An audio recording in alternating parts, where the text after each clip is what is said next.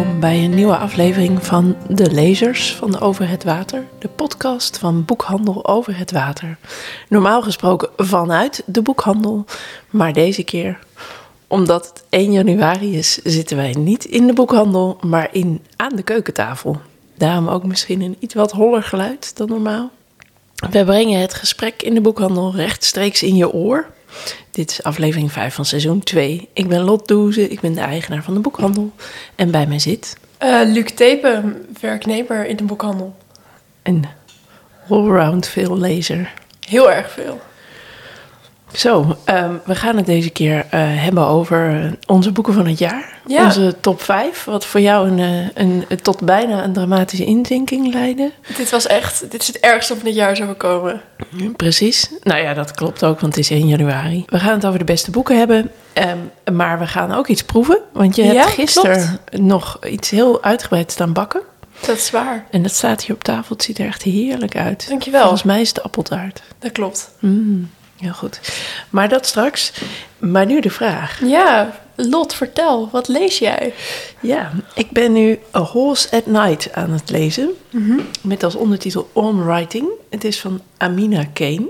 Amina Kane is een phenomenal writer, zegt Claire Louise Bennett. Oh, Mm, en we weten dat jij eh, echt fangirl bent. Eh, Precies, ik ben de fangirl van Claire Louise Bennett, klopt. Ze komt ook straks in mijn beste boeken van het jaar. Verbaast me niks. Ik las van haar twee boeken dit jaar. En ehm, ik had dus nog nooit van Amina Kane gehoord. Maar toen Claire Louise Bennett zei dat ze phenomenal was, toen wilde ik haar lezen.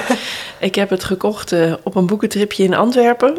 Vanwege dus deze quote. En verder wordt, eh, staat op de achterkant een quote van Jenny Offill. Daar ben ik ook een fangirl van. Ehm, van ehm Doreen Grifa staat er een, eh, een quote aan de binnenflap. Nou ja, daar, daar, daar hebben we een hele podcast over gemaakt. Ehm, dus ik dacht, eh, nou, dit moet ik lezen. Ook al weet ik niet wie Amina Kane is. Je moet, je, je moet ook even naar het boek kijken. Het is heel erg mooi. Ik vind eh, de vormgeving van de kaft heel mooi. Het is heel mooi, hè? Dus Ja. de bovenkant is een soort roomwit. En dan daar staat dus de titel en de auteur. En dan daaronder zijn kleurvlakken met soort natuurafbeeldingen.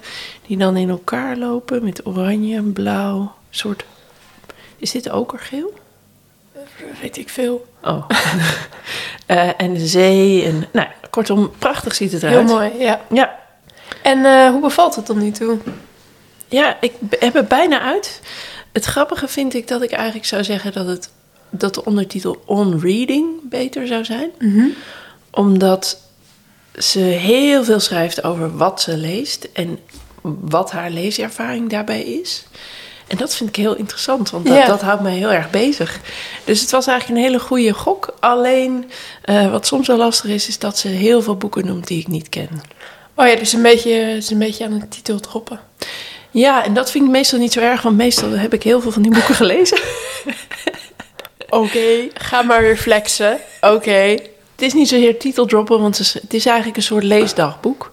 Dus ze schrijft gewoon wat ze leest. En ze is niet zo'n soort van, kijk mij eens dit lezen, kijk mij eens dat lezen. Maar het is veel meer van, oh, en daar las ik dit en dat vind ik zo mooi. Of dat zegt me zoveel, of dat brengt me op deze gedachte. Dus dat vind ik er heel mooi aan, maar ik heb dus heel veel van die boeken niet gelezen. Behalve dan dat ze heel veel Claire Louise Bennett leest. dat ken ik dan weer wel. Het thema van de podcast. Ja, nu al. En waarom heet het A Horse at Night? Want ik zou dat niet per se associëren met boeken. Ik heb nog steeds geen idee. Eh, ik geloof wel dat ze ergens iets over paarden s'nachts zegt, maar dat, dat was een soort. Ze heeft het heel veel over wat beschrijvingen van landschappen doen met haar lezen. Dus ik denk dat het daardoor komt. Dat het. ehm, dat ze. Dat het iets te maken. dat- Dus soms kan ze gewoon zeggen: de beschrijving van sneeuw in dit boek dat doet me willen wandelen door de sneeuw. Of dat, daar krijg ik, het is een heel letterlijke referentie natuurlijk, maar soms heeft ze veel meer. Dan beschrijft ze het gevoel wat dat bij haar oproept. Ja. Ehm, dus in die zin denk ik dat het gaat over. Nou ja, een Horse at Night roept meteen een landschapsbeschrijving op. Ja. Dat, ze, dat daar de connectie zit. Namelijk dat ze zegt, soms kan je iets zeggen dat helemaal niet zo beschrijvend is. Of dat helemaal niet zoveel echt letterlijk beschrijft wat er is. En toch heb je er een heel beeld bij. En ik Ja. denk dat dat is wat A Horse at Night oproept. Want je hebt wel meteen een beeld. Als je heel erg zegt van deze dingen die ik lees, roepen deze beelden op, deze gevoelen, deze contexten, settingen, is, gaat het dan niet ook over schrijven? Omdat ze dan alweer haar eigen verhaal ervan maakt? Ja, dat, dat klopt heel erg. Maar wat ze heel. Waar, waar ze veel meer over schrijft in dit boek, want ze gebruikt dit eigenlijk naast het schrijven van een roman, is dit een soort dagboek. En wat ze hier dus heel erg onderzoekt, is hoe, wat ze leest en eigenlijk het hele technische lezen. Dus de, ehm, de, de, van hé, hey, waarom, waarom, waarom doet mij dit wat? Of waarom Mhm. roept dit iets bij mij op? Dat schrijft ze neer. En Ja. dan schrijft ze wel weer over, oh ja, dat doe ik ook in mijn schrijven. Maar, ze, Ja, maar het gaat dus veel meer over die, die eerdere stap. Maar goed, ik heb dus al eh, een van mijn beste boeken verklapt. Ik heb, je, ik heb jou gevraagd en mezelf gevraagd om een top 5 te maken. Bij jou leidde dat tot heel veel stress. Hoe kwam dat? Ja, nou, ik heb gewoon, ik heb, ja, ik lees gewoon te veel goede boeken, denk ik. Eh, Dat is een goed teken. Ehm, ik heb gewoon heel veel keuzestress en ik hou niet van keuzes maken. En ik lees veel verschillende dingen. En dan denk ik van, hoe moet ik dit nou met elkaar vergelijken? En dan, hoe moet ik hieruit een keuze maken? En dat vind ik moeilijk. Wat is je top 5 geworden? Het, is- het is niet in volgorde. Dat Oké. zou me nog meer stress geven. Ik heb As Good As Dead. Het derde deel in de Good Girls Guide to Murder serie. Van Holly Jackson is dat, hè? Ja, klopt. Ik heb eh, De Bomen van A. Alberts. Als je me ooit bent tegengekomen in de boekhandel... heb ik je waarschijnlijk geprobeerd dit boek aan te raden. En Ehm, te verkopen vooral. Maakt niet uit of je het goed vindt als je maar koopt. Het is gewoon een heel goed boek. Oké, ik heb A Concise Chinese English Dictionary for Lovers van Xialo Guo. Ik weet niet of ik dat goed uitspreek. En dan heb ik The Seven Husbands of Evelyn Hugo van Taylor Jenkins Reid. Eh, en tenslotte Loveless van Alice Oseman. Het is een heel gevarieerd lijstje. Klopt, klopt. Ik ben eigenlijk het meest... Ja, ik ben eh, namelijk al sinds het boek uit is gefascineerd door die eh, A Concise Dictionary. Maar ik Mhm. heb het zelf nooit gelezen. Moet je doen. Wa- waar gaat het over? Het gaat over een eh, Chinese vrouw. Het speelt zich af in 2001 uit mijn hoofd. En ik denk dat ze 20, vroeg 20 is. En ze groeit gewoon helemaal op in China. En het is al na Mao, maar ze is nog helemaal... Mao is fantastisch en ik moet elke avond dat rode boekje lezen. Whatever, whatever. Maar ze gaat... Ze wordt door haar ouders, zeg maar, gesponsord om één jaar naar Engeland te gaan... om daar Engels te leren. Zodat ze daarna hun familiebedrijf kan helpen wanneer ze weer terugkomt. Dus zij gaat naar Engeland en ondertussen houdt ze in een notitieboekje bij de woorden die ze leert. En dat is dus haar dictionary. Ah. En dan schrijft ze bij elk woord, vertelt ze een beetje over de context waarin ze dat geleerd heeft. Uh, Oh, wauw. En ehm, dus ook tijdens het boek bijvoorbeeld, in haar verhaaltjes over waar dat woord over gaat, wordt haar Engels beter, omdat ze dat Engels leert. Oh, te gek. En dus ze belandt in Engeland in een soort volledige... Ik weet gewoon niet wat ik hier aan moet. Want ze is nog nooit... Ze, zeg maar, ze is nooit eerder blootgesteld aan zeg maar, iets westers. En dan komt ze ineens daar terecht. Ehm, en dan gaat ze Engels leren. Maar ze komt dus ook ineens al die andere waarden, andere familiestructuren tegen. Ze krijgt een relatie met een biseksuele man... waarvan ze nog nooit had gehoord dat dat überhaupt iets was. Oh, te gek. En op een gegeven moment, eh, ze woont een tijdje samen met die man, waardoor ze geld bespaart. Want haar ouders hadden ingerekend dat ze een woning zou huren. En dan zegt die man, weet je wat je met dit geld moet doen? Jij moet door Europa reizen. Dus zij gaat interrailen door ehm, Europa en dan komt ze weer opnieuw allerlei nieuwe dingen tegen. En ze denkt, en ze is eigenlijk alleen maar de hele tijd bezig met hoe moet ik me verhouden in, in deze wereld? Want dit is zo anders van wat ik ken. En je ziet ook hoe ze ook wel dus meer eraan gewend raakt door het boek heen. En dan eindigt het wanneer ze weer terug gaat naar China. Het, is, het is heel, echt heel mooi. Dat klinkt echt fantastisch. Nou, nou, nu wil ik het inderdaad ook lezen. Moet je doen, moet je doen. Ik moet ook zeggen, ik heb, ik heb dit in één dag gelezen... omdat ik gewoon fysiek niet kon stoppen. Het heeft iets verslavends. Oké, eh, eh, kan ik het van je lenen? Ja, Altijd. En ehm, iets heel anders, denk ik. Ehm, ehm, die eerste die je noemde. As Good As Dead. As Good As Dead. Ja, eh, dat is het derde deel in de Girls Guide to Murder serie. Is young adult, hè? Het is young adult. Het is young adult mystery, mystery.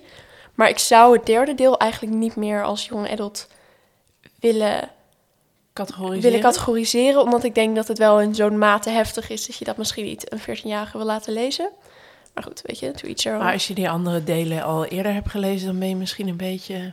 Zou kunnen, maar ik was zelf, zeg maar, dat ik echt dacht... oh, ik vind dit, dit is, dit is wel echt heel erg veel zwaarder dan ik verwachtte. Oké. En niet per se in onderwerp, want ik bedoel, je, je, je weet al, het gaat over moord en whatever. Maar vooral in, zeg maar, de levendige beschrijving van de moordachtige zaken en zo. Dat vond ik heel Oké. vies heftig. Mhm. Dus het, in het eerste deel begin je met Pippa Fitzemobi, een meisje die ehm, in haar laatste jaar van de middelbare school zit en voor profielwerkstuk een oude moordzaak eh, besluit te onderzoeken. Mhm. Verdachte, de nummer 1 verdachte in die moordzaak, die heeft zelfmoord gepleegd voordat hij ehm, is veroordeeld. Mhm. Maar toch besluit het hele dorpje is gewoon, ja, hij was een moordenaar, punt. En zij zegt, dit komt door racisme. Eh, Ah. Want hij komt uit de enige niet-witte familie in dit dorp. En we zijn gewoon allemaal een stel racisten bij elkaar.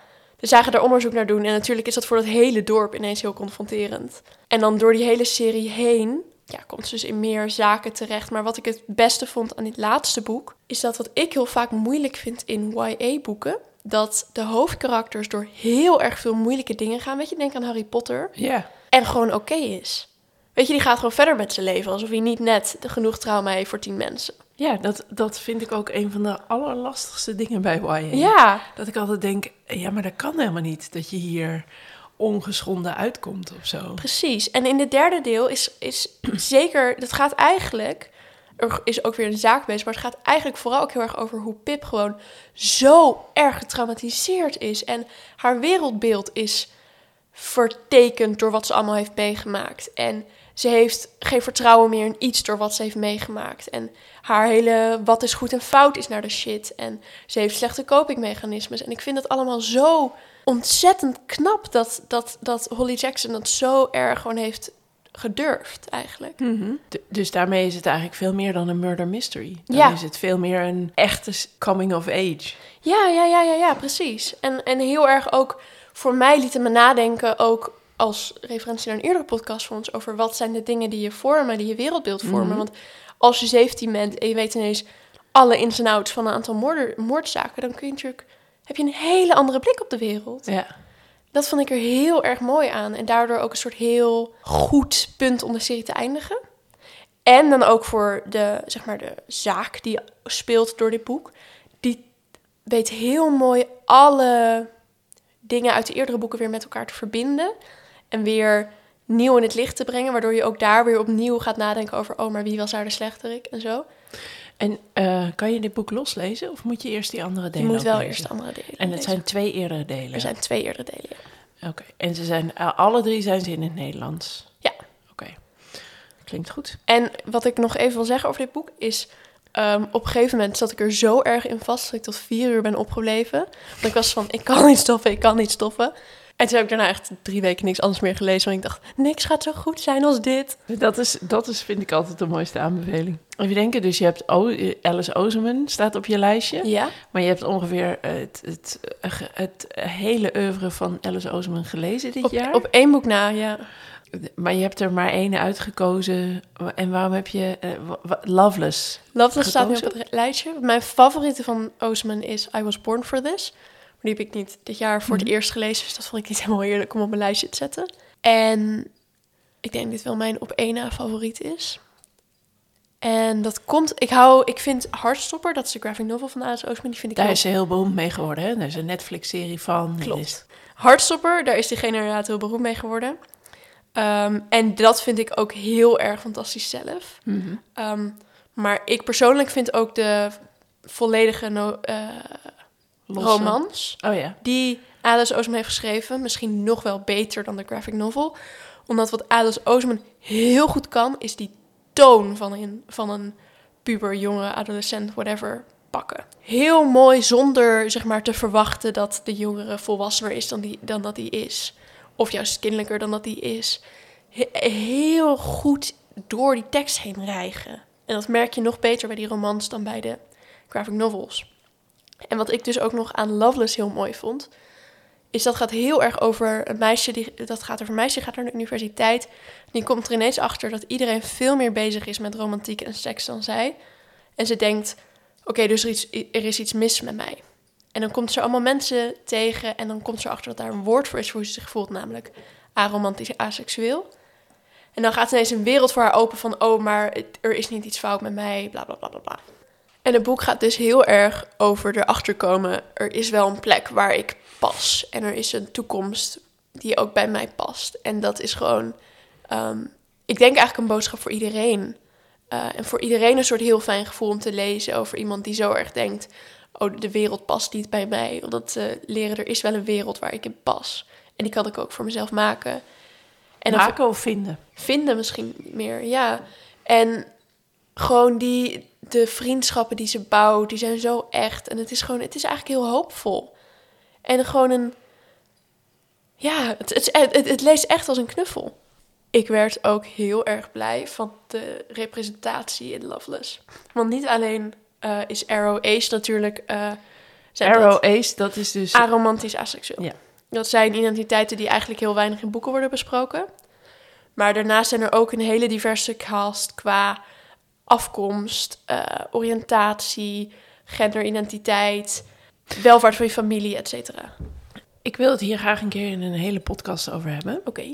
Ehm, maar ik wil je toch nu even iets over vragen. Ehm, want waarom is dat belangrijk voor jou, dat dat erin zit? Omdat ik denk dat als je diverse boeken leest... Sowieso is dat belangrijk omdat heel veel mensen die zich onder deze hokjes vallen... zichzelf niet vaak zien in boeken. En het is belangrijk dat ze dat wel doen. En voor mij vind ik het fijn omdat dat is hoe de wereld voor mij is. Weet je, ik heb niet alleen maar witte vrienden. En als ik dan een boek lees waar iedereen wit is en hetero... dan ben ik zo, maar dit is niet mijn wereld. Ja. En dan een boek waarin dat niet is, dat voelt voor mij veel logischer. Want dat is nou eenmaal hoe de wereld is. Ja, oké. net- Dat, dat, in dat opzicht ben ik het zeker met je eens. Maar het lijkt me leuk om hier een keer een aflevering over te maken. Ja, is goed. Oké. Ehm, en je had nog twee boeken op je lijstje. Ja. De eerste was... ehm, dat, ik weet de titel niet meer. As Good As Dead? Nou, nee, die hebben we Die hebben we al gehad, ja. Oké, en jij moet het even zeggen, want Nou, ik ben het kwijt. Deze weet je echt wel, dat is de bomen. Oh ja, de boom. Oké, dus we doen dit even opnieuw. In je top 5 staat ook de bomen. Slee. Moeten we het daar nog over hebben? Ja, Oké, ik ga het altijd over de bomen hebben, maar ehm, ik vrees dat er wel mensen zijn die dat dan, dan voor de vierde keer van mij moeten aanhoren, maar dat is oké. ja. Ik hou van de bomen. Oké, is dat is misschien wel genoeg gewoon. De bomen is van... ah, dit is leuk om iets over de achtergrond van het boek te vertellen. Ja. Ik, ehm, ehm, ik denk ook... Ik vind het ook leuk om te noemen, omdat er in jouw top 5 ook, zeg maar, eh, boeken staan die, die heel erg op BookTalk worden ge, omhoog gehouden. Ehm, wat ik interessant vind is wa- waardoor de, wat, wat zeg maar de indruk is van BookTalk boeken, is dat ze eh, eh, eigenlijk niet zo'n go- goed niveau hebben. Dat, dat mensen alleen maar dat lezen. Dat het eigenlijk een verschraling van het aanbod betekent. En ik vind het heel leuk om bij jou te zien dat eh, het gewoon dat het onderdeel is van je lezen en helemaal niet dat als enige. En, Ja, en een heel klopt. goed voorbeeld daarvan vind ik de bomen. Ja, Om, want de bomen is eigenlijk een heel oud boek. Wanneer is het uit die het, jaren? eh, de bomen komt uit 1953 Ja. ehm, en speelt zich af in de jaren 30 zelfs. Oh ja. Eh, en dus het is een heel oud boek, maar het is recent, eh, zeg maar dit jaar opnieuw uitgegeven door Das Mag. Ja. En, en echt wel ook een hitje geworden, toch? Ja, Ja. zeker. Ja. Vooral in de boekhandels waar ik werk. Nou ja, dat, maar ik denk ook wel op andere plekken. En, en eh, door heel veel mensen, zeg maar, die Alberts niet op de middelbare Ja. school hebben gekregen, toch opgepakt. Ja, want voor mij, ik bedoel, ik vind Alberts, ik ben echt nu fanboy, weet je. Ik vind, ik vind zijn schrijven fantastisch. En ik ben, als ik dit nou op de middelbare school had gehad, had ik niet zo'n afkeur voor Nederlands.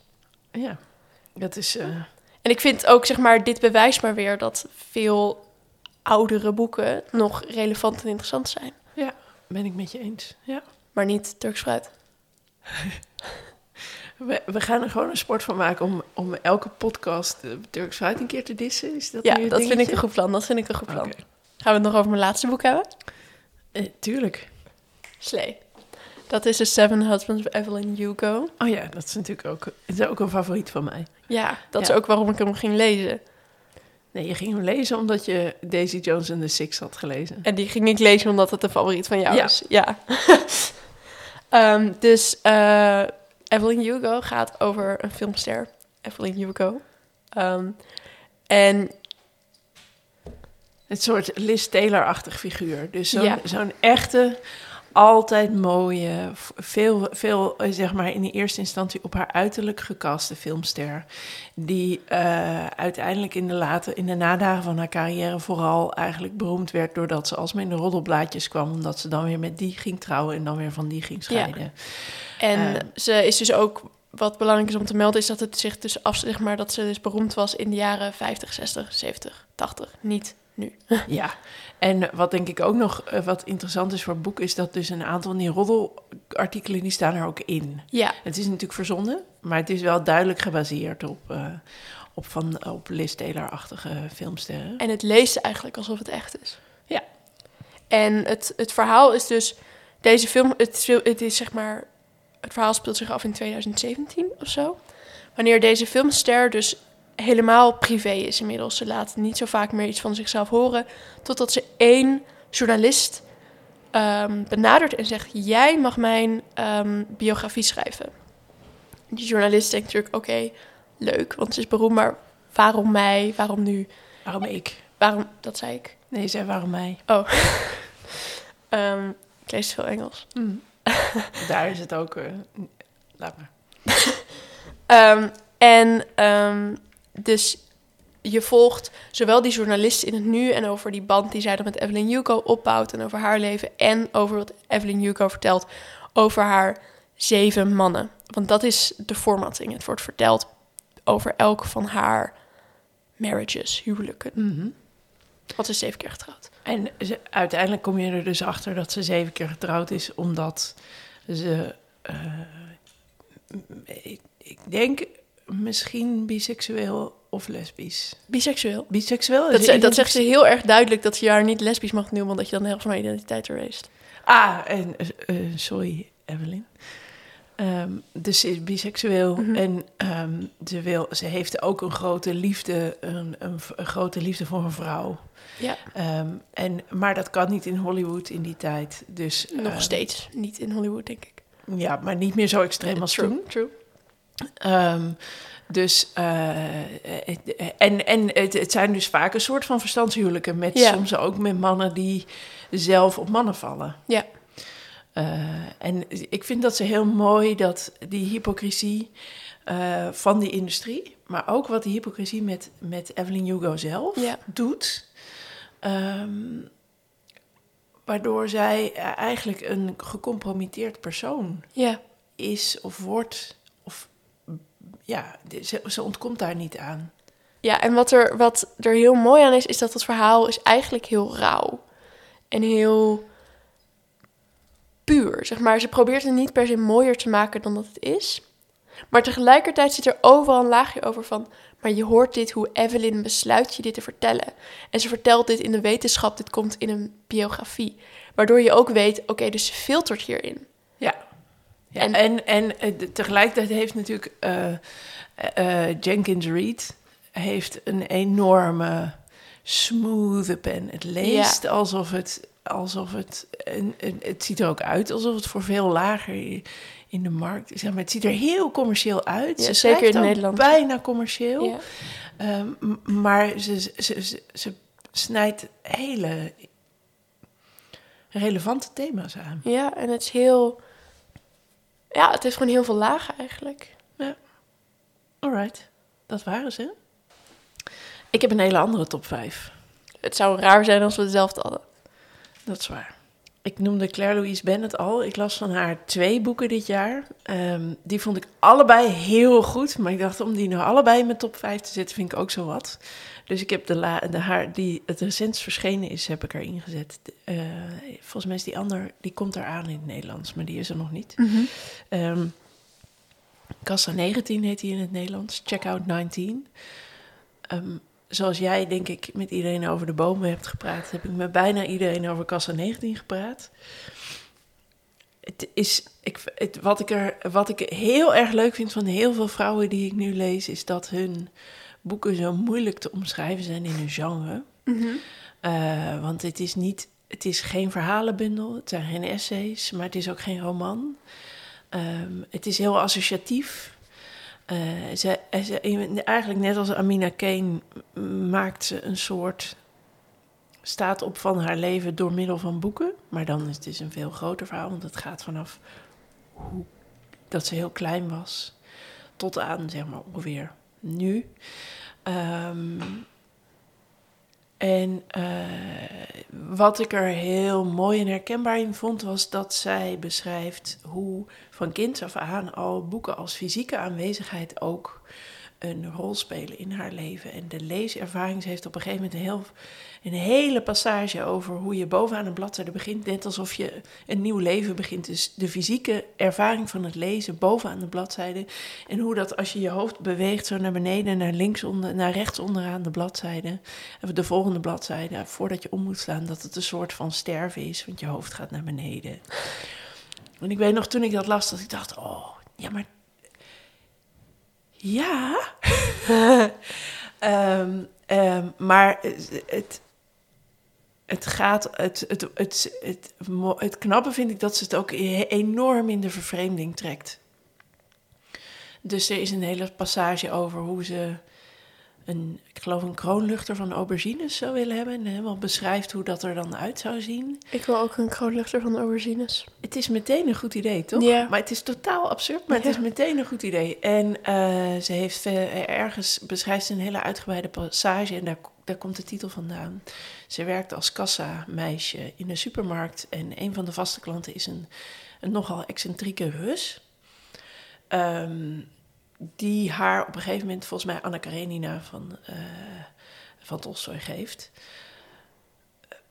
Het grappige is dat in heel veel recensies daar um, aan wordt opgehangen waarom het boek zo heet. Het hele boek wordt aan opgehangen. Terwijl eigenlijk dat is een hele kleine handeling in het boek. Nou, het is volgens mij misschien maar één of twee zinnen dat hij haar het boek geeft. Wat eraan vooraf gaat, is dat ze beschrijft hoe hij door die winkel loopt. En dan stilstaat voor, ik meen de augurken. En met een bepaalde beweging naar het schap toe beweegt.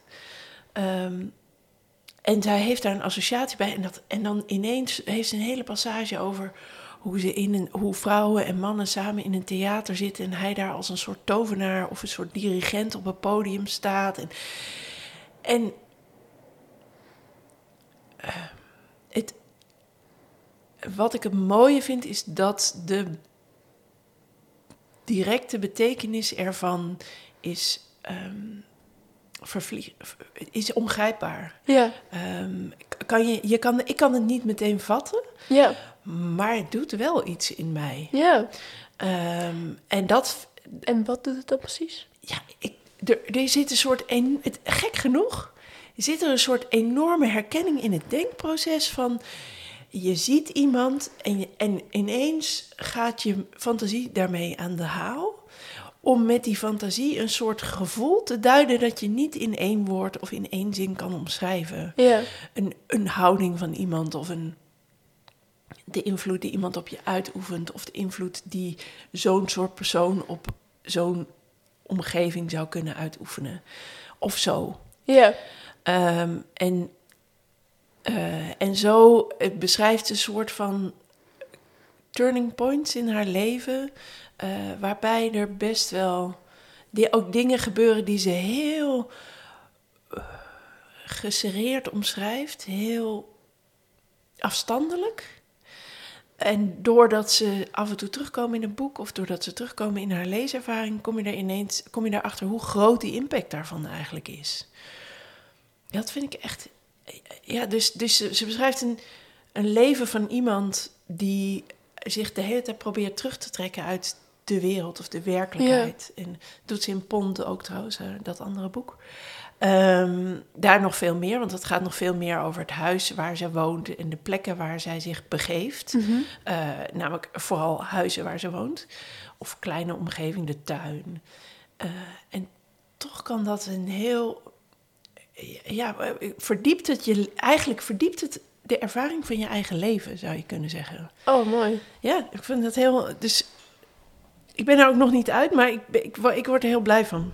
Of heel, ja, het, het geeft me echt een soort iets aan me innerlijk. Stom om te zeggen. Helemaal niet. Ehm, ehm, eh, op eenzelfde manier eh, verrast en vervuld werd ik door eh, de diepste herinnering van de mens van Mohammed Mbougar Sar. Heel ander soort boek. Ehm, eh, heel andere schrijver ook. Claire Louise Bennett is een Engelse die in Ierland woont. Mohammed Mbougar Sar is een Senegalees die in Parijs woont. Jonge schrijver. Hij heeft met dit boek de Prix de Goncourt gewonnen. De Prix Goncourt, zonder de. En wat is de Prix de Goncourt? Zonder de. De Prix de Goncourt? Zonder de. Goncourt. Oh, de- die de.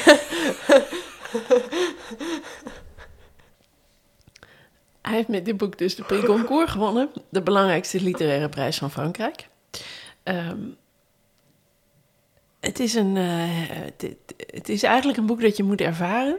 Het begint, met, het begint als een soort wervelwind. Een jonge ehm Frans-Senegalese schrijver ehm, ontdekt, loopt tegen een boek aan waar hij helemaal van ondersteboven raakt. En hij, hij heeft zich voorgenomen om schrijver te worden. Hij is daarvoor in Parijs, is student en verkeert in zo'n heel intellectueel, afro-francofoon kringetje. Ze gaan Wat samen- is Af... Oh, een grapje. Ik weet wel wat het is. Ga verder.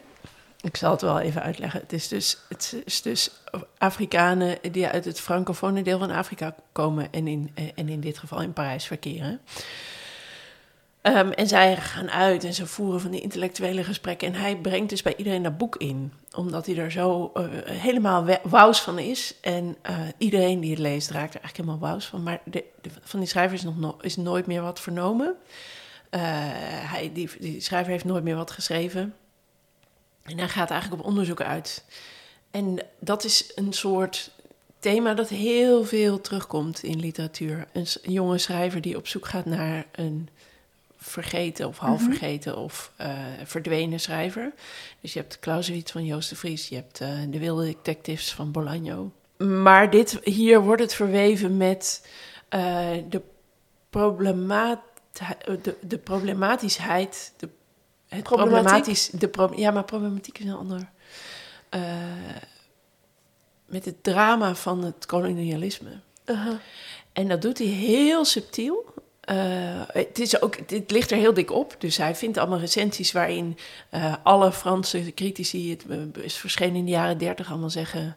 hoe kan het nou dat een zwarte uit, uit Afrika zo'n boek heeft geschreven? En er wordt heel... ehm, nou, hij wordt... hij wordt eigenlijk vermangeld door de Franse literatuurkritiek, omdat ze allemaal zo erg op zijn afkomst reageren. En hij gaat dan op zoek naar, naar die schrijver eigenlijk. En er komt allemaal mensen tegen en verhalen. En dan ook, ook wat, het, wat ik het mooie daaraan vind, dan kom je in een soort ehm, orale vertelcultuur. Want iemand vertelt hem dat iemand haar verteld heeft, dat iemand die, diegene verteld heeft dat. En dat is een soort hele Afrikaanse verteltraditie. Ja. Ehm, dat maakt het er niet makkelijker op om te lezen. Want op een gegeven moment zit je het verhaal van iemand in een verhaal van iemand van in een verhaal van iemand te lezen. En telkens als je begint te lezen, denk je: waar ben ik nu beland? En dan ineens zegt diegene, wordt degene die, aan wie het verteld wordt aangesproken. Dan weet je: oh, nu zit ik in die laag. Ja. Maar het vraagt dus wel wat van de lezer. Maar tegelijkertijd is het dus heel grappig. Het, het is ook heel tragisch, want het gaat over een schrijver die fantastische toekomst had. Maar door ja, dat, dat hele koloniale denken vermangeld is geraakt. En het Ja. gaat over deze jonge schrijver die daardoor dus aan het zoeken is. Die, die in het nu zoekt naar wat, wie ben ik, wat wil ik. En dat speelt zich af in, een- in een soort heel eh, cosmopolitisch Parijs. Hij woont samen met een Pool die dan weer vertaler is. En eh, die heeft dan weer een mening. En, nou ja, en zo, Die heeft een mening. Stel je voor, ik heb nooit een mening. En eh, dus, het is heel, eh, dus het is een soort wervelwind van de boek, zeker aan het begin. Aan, aan het eind wordt het steeds rustiger en dan denk je, is dit niet een anticlimax? En dan denk je, oh nee, dit, dit, dit is precies wat hij eigenlijk... Waarom, zo, zo, zo moet het inderdaad eindigen. Ja. Dus ik vond het fantastisch. We gaan het, eh, ik heb een leesclubje bedacht om het te kunnen bespreken, want ik wil het heel graag met andere mensen het er ook over hebben. Grappig dat alle boeken die je tot nu toe besproken hebt ook heel erg gaan over boeken. Ja, dit is waar ik ook erg van hou. maar het, mijn derde boek gaat er helemaal niet over. Vertel. Eh, dat is eh, De Laatste Witte Man van Moshin Hamid. Ehm, Hamid is een schrijver waar ik denk ik al twee of drie boeken van heb gelezen. Ehm, waaronder een van de boeken die ik die misschien wel in mijn top 10 staat van boeken die, ik, die het mooist zijn die ik ooit heb gelezen. En dat is eh, Exit West. Oh ja, die heb je Ehm, mij ook wel eens aangeraden. Ja, eh, maar dit, eh, dit is een. Hij schrijft altijd over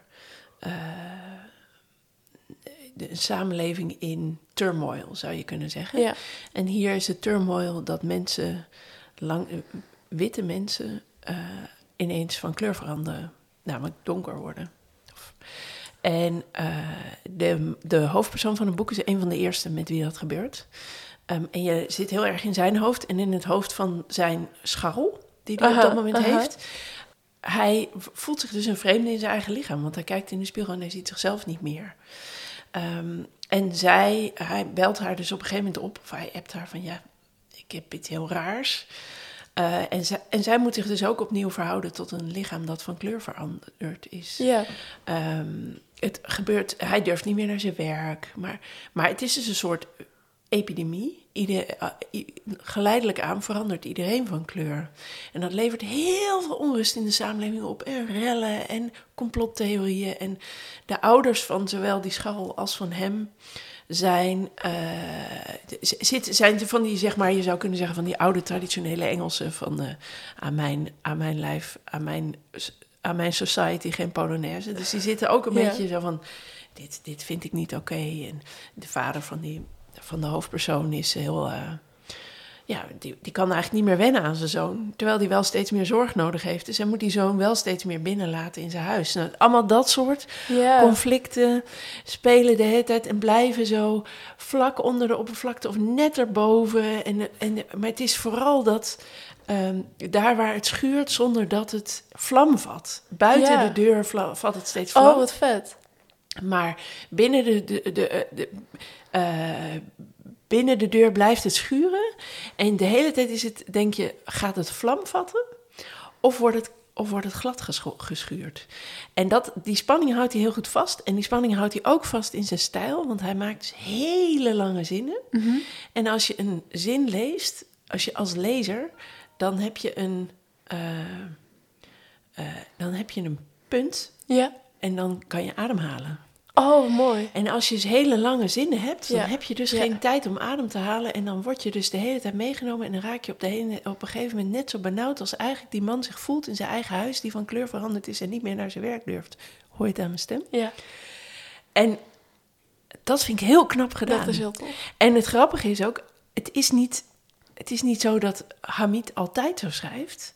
Hij heeft deze stijl gekozen om dit verhaal mee te vertellen. Dat is heel tof. En dat vind ik heel Ja. cool. Dus eh, ook die gaan we bespreken trouwens in de leesclub. Ehm, en ehm, ik denk dat... eh, ik heb een beetje vreemde eend in de bijt dan. Want mijn vierde boek is Waarom we de wereld niet rond kunnen krijgen van Frank Meester. Mhm. Eh, wat eigenlijk al verschenen was in 2021.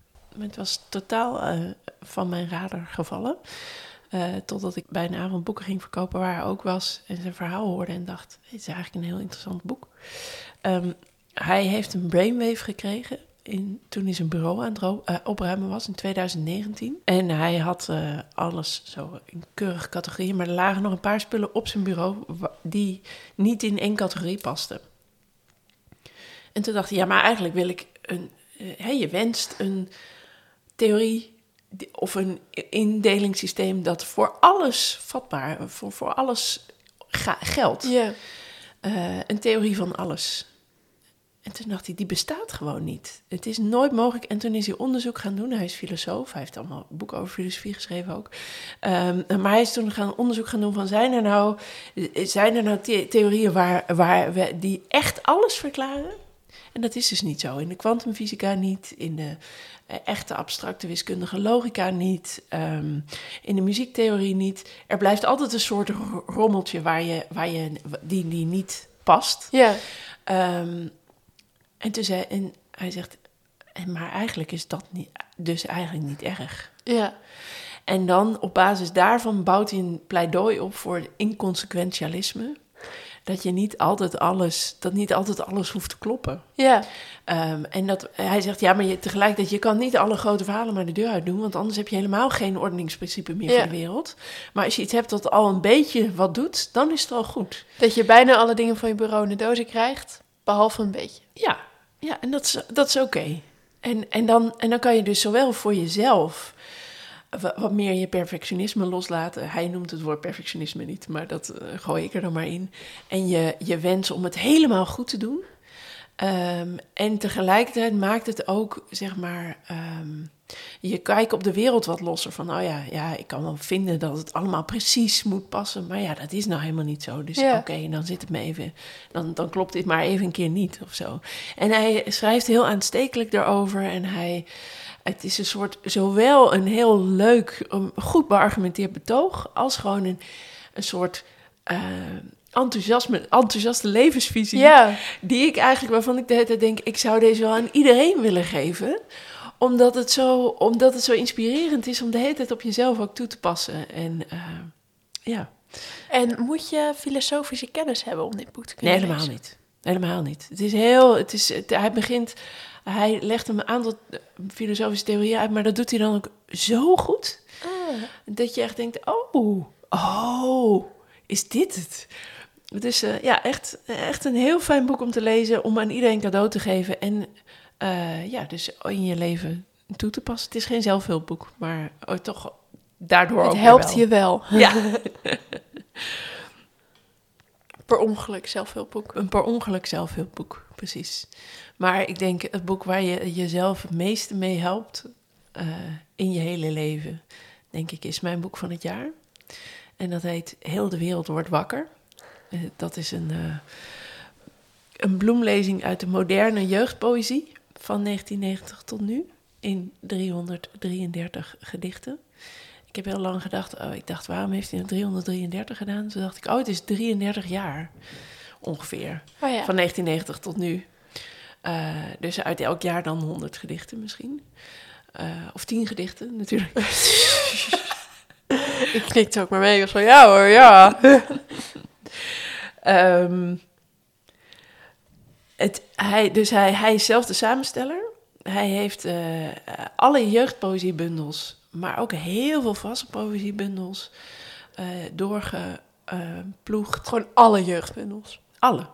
Wauw. Vanaf 1990, hè? Dus je vindt er geen Annie M. G. Schmid in, want dat is Nee. voor 1990.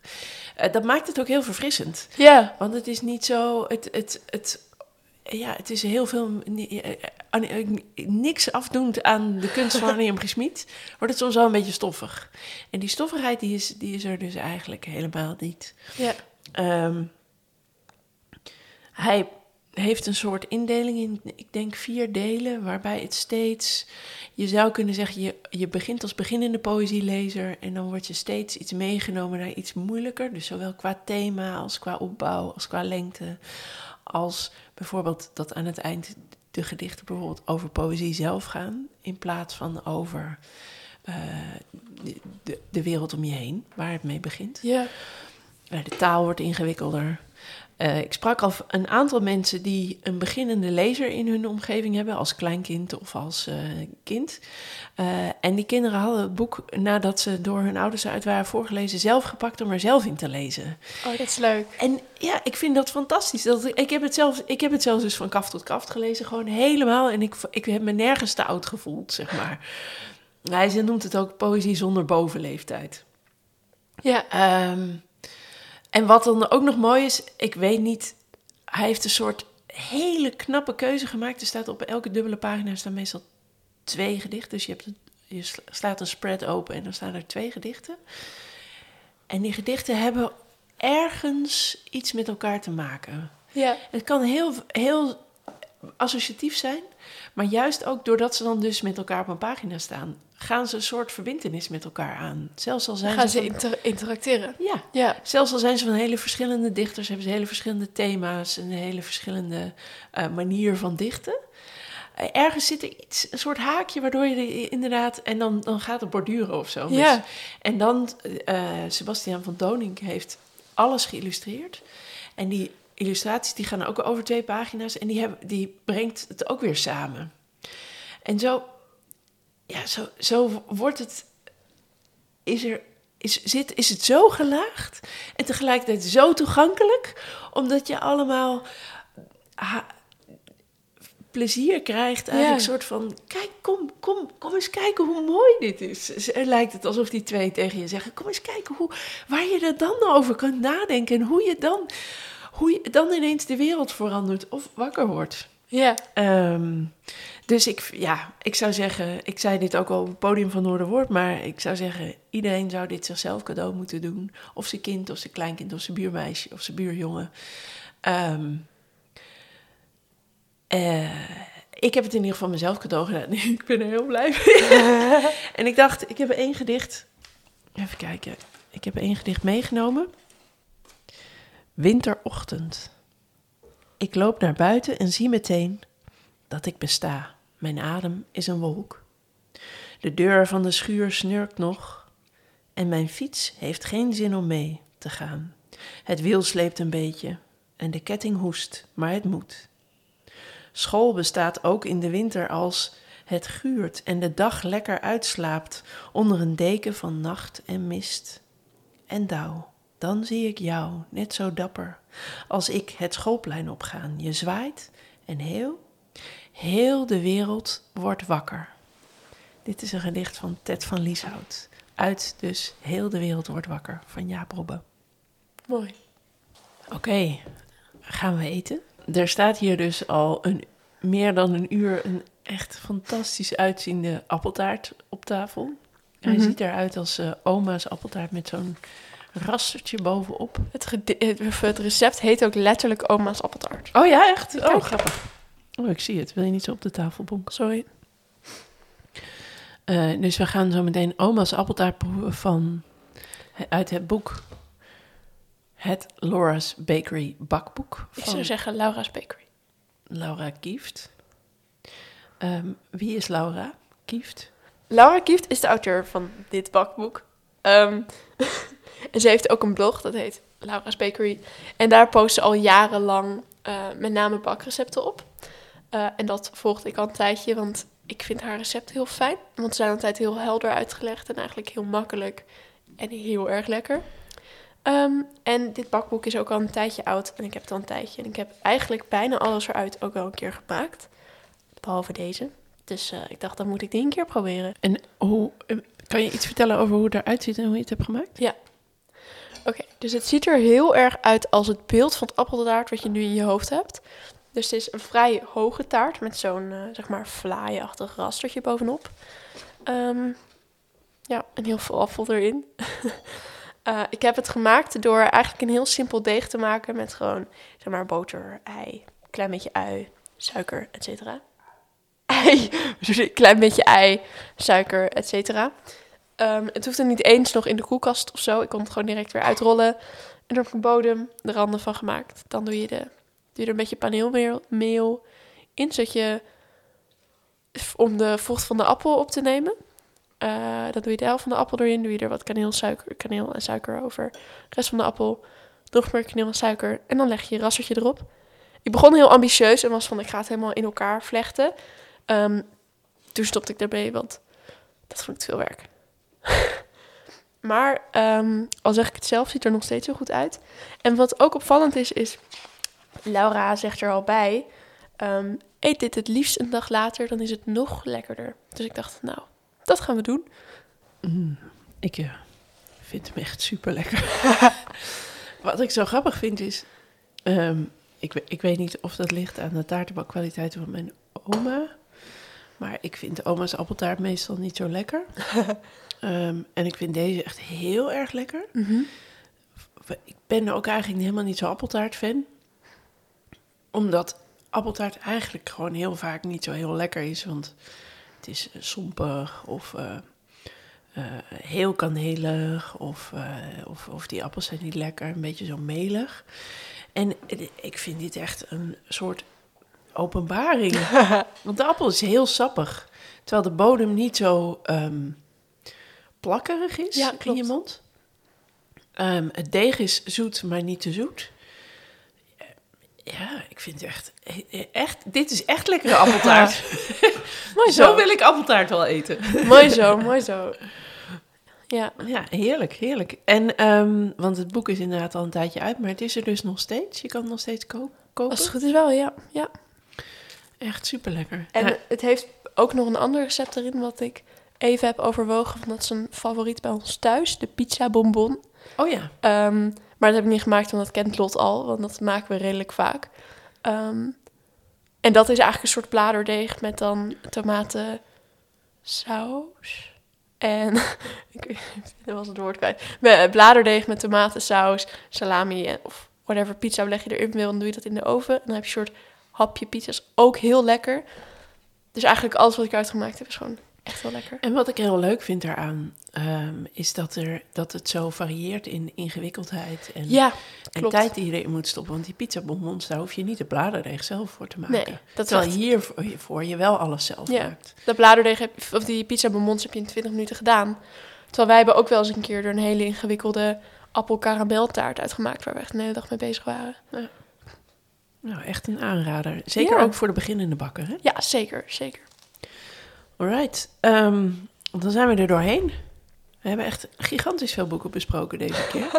Hebben we ooit allemaal- zoveel boeken gedaan? Nee, dat denk ik niet. Ik zal het allemaal keurig neerzetten in de show notes. Als je dit gewoon altijd wil horen, abonneer je dan vooral in je favoriete podcast-app. Als je ons een mooie review geeft, dan worden we vindbaarder voor andere mensen. Ja, wij gaan nu eh, taart eten en straks, eh, straks ons favoriete programma kijken op 1 januari, namelijk het skischanspringen vanuit Garmisch-Partenkirchen. Maar wanneer je dit ook hoort, ik hoop dat de komende dag, maand, jaar voor jou vol met fijne boeken zit. En ik hoop dat je misschien bij ons je nieuwe leestip hebt gevonden.